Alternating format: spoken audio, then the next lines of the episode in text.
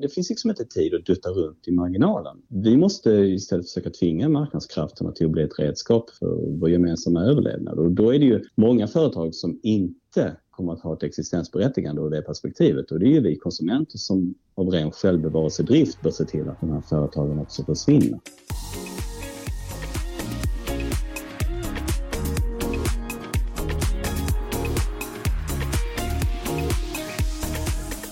Varenda gång jag sätter min fot i en eh, klädaffär eller en matbutik så överväldigas jag av alla de här jäkla gröna märkningarna på produkter. Jag ska säga någonting om koldioxidutsläpp eller mer ekologisk bomull eller vad det nu, eh, nu kan vara. Och även då när man handlar på nätet. Gröna hjärtan, blad och andra klimatskyltar det är ju numera en del av eh, designen, eller hur Thomas? Känner inte du likadant. Jo men verkligen. När jag satt på tunnelbanan här i Stockholm häromveckan så såg jag att ja, men hela, hela tunnelbanenätet är numera ett bra eh, miljöval, vilket oh, såklart fick mig att fundera. Problemet med det här är att de här etablerade oberoende märkningarna som Svanen, Fairtrade och den här svalan som indikerar bra miljöval, de blandas upp med eh, företagens egna och det blir väldigt svårt att veta för konsumenterna och göra, göra ett rätt val helt enkelt. Mm. Är det här bara ett marknadsföringsknep? Ja, men det, det, verkar ju nästan som så och det säger ju de forskare som vi har pratat med i, i veckan här också att eh,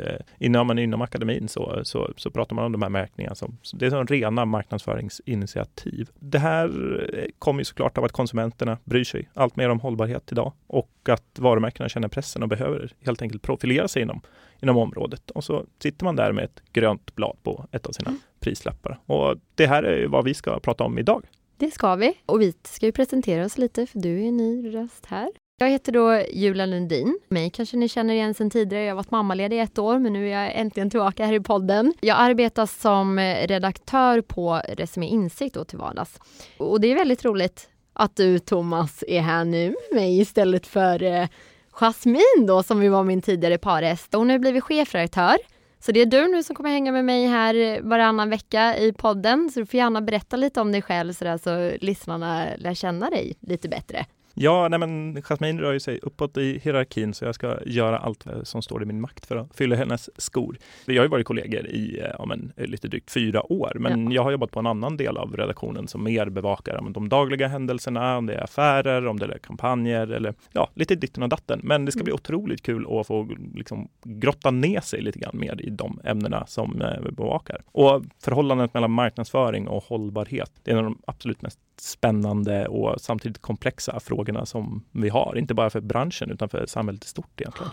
Alla vill ju marknadsföra sina hållbarhetsstrategier känns som. Alla gör någonting på det här området just nu. Om vi ska prata lite klimatmärkningar då. Eh, vi har denna vecka då gjort ett knäck kring hur olika företag tagit fram egna märkningar på sina produkter utöver de då som redan finns. Marabou till exempel dumpade då tredjepartsaktören eh, Fairtrade och lanserade egna Coco Life. Lindex har bland annat då tjongat in Sustainable Choice på alla sina hangtags och på sajten och sådär. Sen har vi Orkla Food som har eh, tryckt lågt eh, klimatavtryck på flera av sina produkter. Då. Och vi har hittat runt 30 stycken sådana här egna märkningar när vi har eh, surfat runt och det är bara en bråkdel av vad som finns där ute. Och man kan ju fråga sig hur konsumenterna upplever det här idag.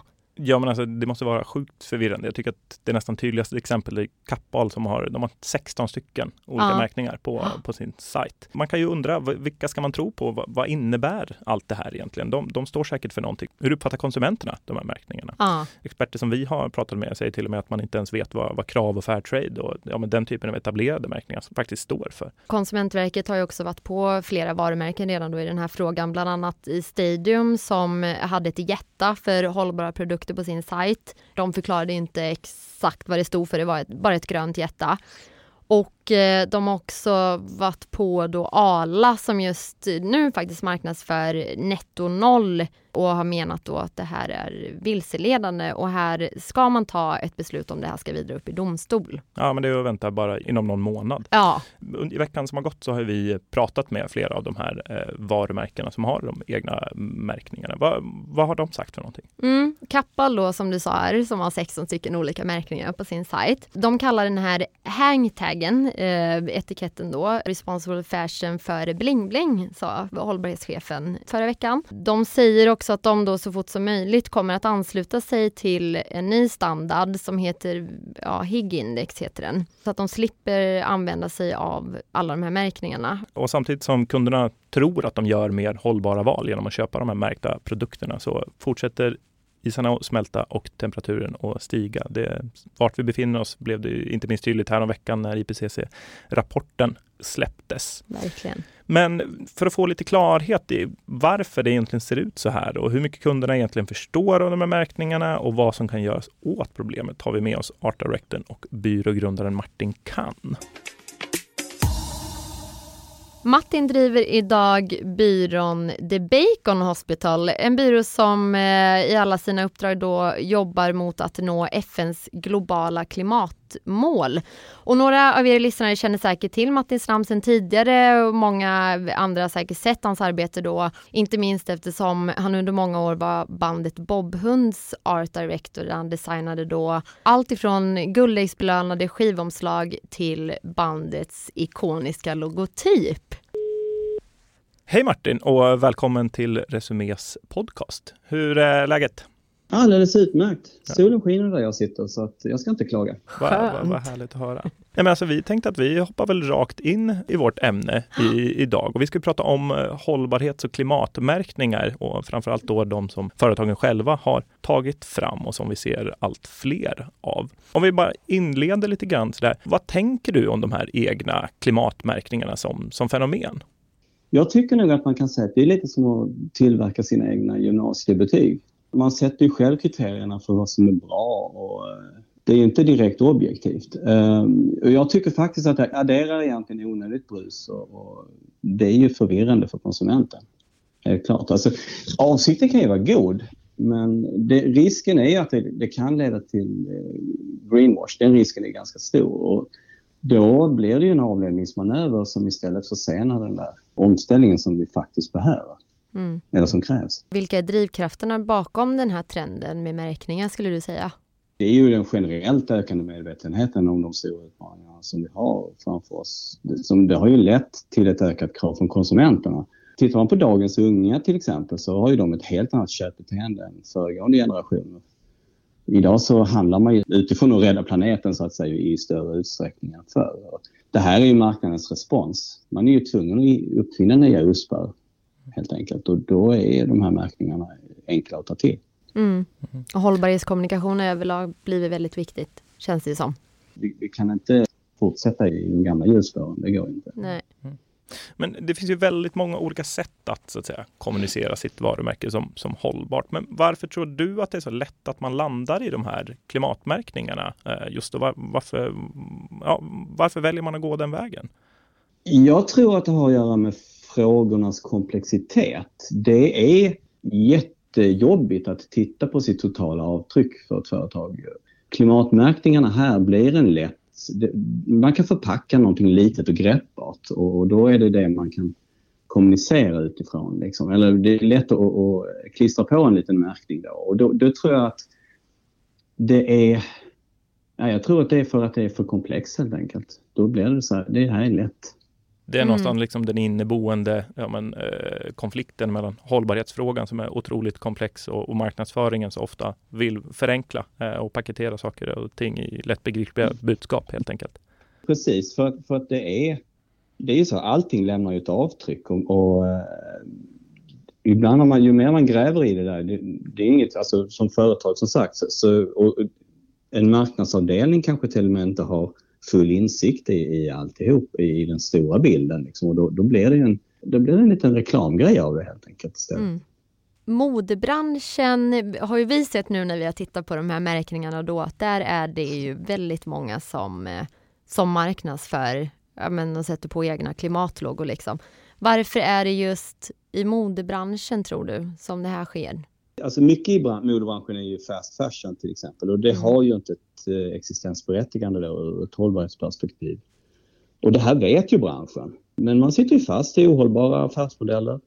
Så att de här, man kan ju nästan säga att de här initiativen kan man nästan ibland betrakta som desperata handlingar som i själva verket då döljer de verkliga problemen det är oftast väldigt stora bolag som, som landar i sådana här märkningar, internationella koncerner. Och det är en typ av bolag som i princip uteslutande har egna hållbarhetsavdelningar. Vad tror du att de säger när ja, marknadsavdelningen kommer med ett sånt här eh, förslag? Ger de tummen upp? Eller, för de måste ju ha någon form av kritik mot det, kan man ju tänka sig. Relationen mellan marknadsavdelning och, och, och sälj och, och eh, hållbarhetsavdelningarna, de ser så olika ut från, från företag till företag jag tror säkert att det finns de fall där hållbarhetsavdelningarna är inkopplade på att ta fram de här sakerna. Men jag kan mycket väl tänka mig att det finns en och annan hållbarhetsansvarig som är väldigt frustrerad. Har du också valt att bli egen? Då är det viktigt att skaffa en bra företagsförsäkring. Hos oss är alla småföretag stora och inga frågor för små. Swedeas företagsförsäkring är anpassad för mindre företag och täcker även sånt som din hemförsäkring inte täcker. Gå in på swedea.se företag och jämför själv.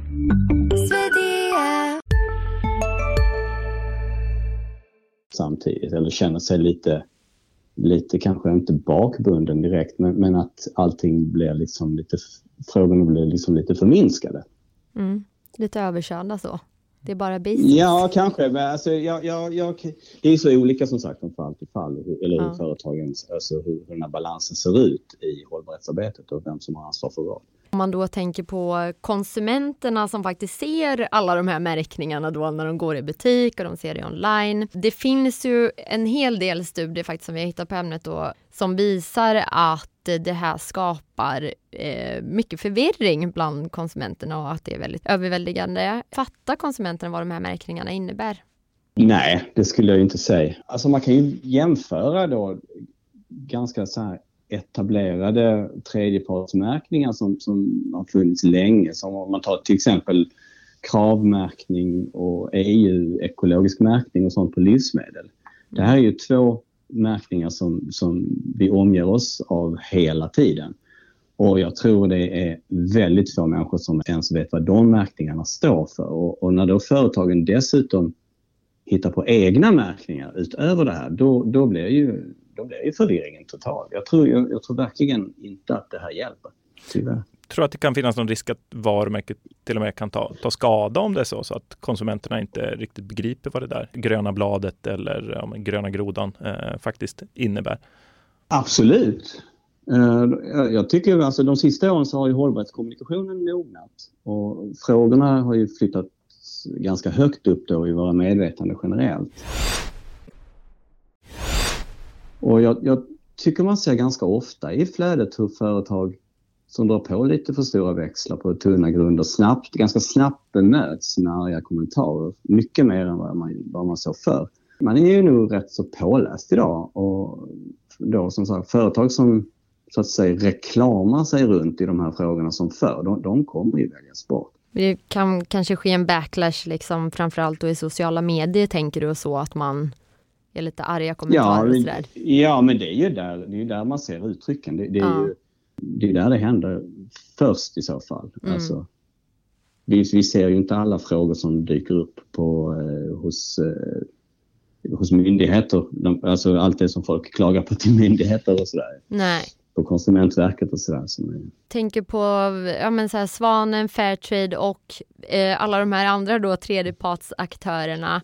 Mm. Håller de på att tappa i betydelse för att de kostar ju faktiskt en hel del eh, pengar för företag att, att, använda. Om det är ett litet företag då så kanske det blir alldeles för dyrt att, att betala dem för att kunna sätta en sån här märkning då, på sin produkt. Vad tror du om, eh, om deras framtid? Liksom? För det första så är det alla de här företagens egna märkningar, de adderar ju då eh, till det allmänna bruset. Mm. Och då riskerar ju tredjepartsmärkningen att drunkna. För vi reagerar ju allt sämre på märkningar generellt då, på grund av det här. Och det här bör ju ett litet företag ha med i beräkningen när man vill investera i att försöka bli certifierad av en oberoende tredje part. Och det är ju lite beklagligt eh, att tredjepartsmärkningarna lider lite av det här. Mm. Jag tror att deras, deras eh, ställning blir försvagad, helt klart. Men för att vara trovärdig i det här, måste man ha en tredjepartsaktör i grunden eller för att kunna sätta sin egna märkning på det också? Du kan inte bara sätta en egen märkning och tänka att du är hållbar så? Nej, jag, jag, tycker inte man ska sätta några egna märkningar överhuvudtaget. Nej. Eh, utan det är tredjepartsmärkningar som är det enda som gäller om man är tvunget ska eh, använda sig av märkningar. Ja. Haglöfs till exempel, apropå egna märkningar, de tog fram en egen märkning som kallas för Take Care kring, kring 2014. Men sen något år tillbaka så har de faktiskt tagit bort rapporten och de har ju medgett själva för oss i, i mejl att eh, det är för att man, eh, de såg att det bara skapade förvirring bland konsumenterna. Tror du att vi kommer att se fler varumärken som, som kommer plocka bort sina egna märkningar? Och för transparensens skull så eh, du har tidigare i karriären jobbat eh, med Haglöfs men inte på någonting som har koppling till det här. Eh, ja, troligtvis. De egna märkningarna kommer ju förmodligen att eh, successivt sanera bort sig själv ju mer marknaden och kommunikationen i allmänhet mognar. Du har också tidigare sagt här att du anser att man inte bör ha någon märkning överhuvudtaget var 2021, eller hur? Du tycker inte att man ska ha det? Inte en, en egen märkning, nej. nej. Tiden är förbi för det helt enkelt. Ja om man nu har en märkning eller om man ändå vill bygga liksom, kommunikation kring sin egen reklammärkning, hur ska man då gå tillväga? Först och främst så, så måste man ju fråga sig om märkningen hjälper konsumenten att förstå produktens verkliga avtryck. Om man verkligen vill hjälpa konsumenten att göra ett hållbart val så kanske man istället bör eh, se över sin affärsmodell och fråga sig om verksamheten i sin helhet hjälper eller ödelägger planeten. Och sen helt enkelt kommunicera 100% transparent därefter. Finns det något företag som tycker har, har lyckats med det här, som, som har liksom inkorporerat eh, menar, en bra kommunikation kopplat till, till sin märkning, men som även eh, så att säga, eh, representerar företagets bredare hållbarhetsarbete? Just den här har jag verkligen funderat på, den här ja. frågan. Och jag kan faktiskt inte komma på rak arm. Det finns ingen. Nej, jag är hemskt ledsen. Nej, men det är också svårt. Alltså eftersom du inte vill, eller du, du säger att man inte bör ha någon märkning, så fattar vi att det är svårt och liksom, vem har gjort det här bra? Det finns ju företag som har gjort väldigt bra, tagit fram väldigt bra initiativ i sina respektive branscher som då har blivit kanske normgivande och så. Men det har ju inte handlat om märkning. Nej. Eh, det är, I första hand, det är, inte, det är ju snarare initiativ där man har skapat medlems... Alltså man har kanske gått i, krokat arm eh, i en bransch och gjort saker tillsammans. Men det har ju inte handlat om att, att liksom... Där utgångspunkten har inte varit att, att skapa en egen hållbarhetsmärkning. Nej. Men det är sådana initiativ man ska göra istället, tycker du? Det är ju ett sätt att göra det på. Det är att eh, naturligtvis. Ja, och sen lite framtid då, lite framtidsbetonat bara. Konsumentverket tittar ju eh, ja, hela tiden på relationen mellan hållbarhet och marknadsföring och vi har även hört då i samband med vårt arbete här, det på EU-nivå kan komma lagar här som kan komma att påverka. Modebranschen har någonting som heter HIG-index, jag vet inte om du känner till det, men det är lite det rör på sig här i alla fall vad gäller märkningar. Men vad tycker du Martin bör ske på det här området för att det ska ordna upp sig, den här härvan? Om EU kan ta fram ett verktyg för, som, som kan hjälpa, eh, alltså reglera hur man bäst gör miljöuttalanden, det är ju fantastiskt. Det som är avgörande är ju hur skarpt det där verktyget utformas. HIG-index är också bra, eh, det, det, men det är ju mer en standard då, som mäter produkter ur ett livscykelperspektiv och hur mycket avtrycken i mode, modeföretagens supply chains och så är. Där redovisas ju också all data ganska öppet och det, sådana där saker kan ju tvinga företagen att, att skärpa sig så det är ju naturligtvis bra. Jag tror så här, ska, alltså jag tror man måste se på sådana här saker ur ett stort perspektiv. Alltså vi, vi har ju vi har skapat en klimatkatastrof eh, som riskerar att bli irreversibel. Och, och det beror ju liksom i, i stort på att vår, civilisation bygger på ett ekonomiskt system som, som håller på att utrota oss. Så det som egentligen bör ske för nu i den här härvan, det är ju egentligen ett större, större ekonomiskt systemskifte och det, det, här, det kommer vi förmodligen inte ha tid att, skapa innan det är för sent. Så att just nu när man pratar om de här frågorna så går det, det finns liksom inte tid att dutta runt i marginalen utan vi måste istället försöka tvinga marknadskrafterna till att bli ett redskap för, för vår gemensamma överlevnad. Och då är det ju många företag som inte kommer att ha ett existensberättigande ur det perspektivet. Och det är ju vi konsumenter som av ren självbevarelsedrift bör se till att de här, de här företagen också försvinner. Ja, vi får se vad framtiden bär med sig på det här området. Stort tack till dig Martin Kahn för att du var med i eh, Resumé Insikts podcast. Tusen tack. Tackar, tackar.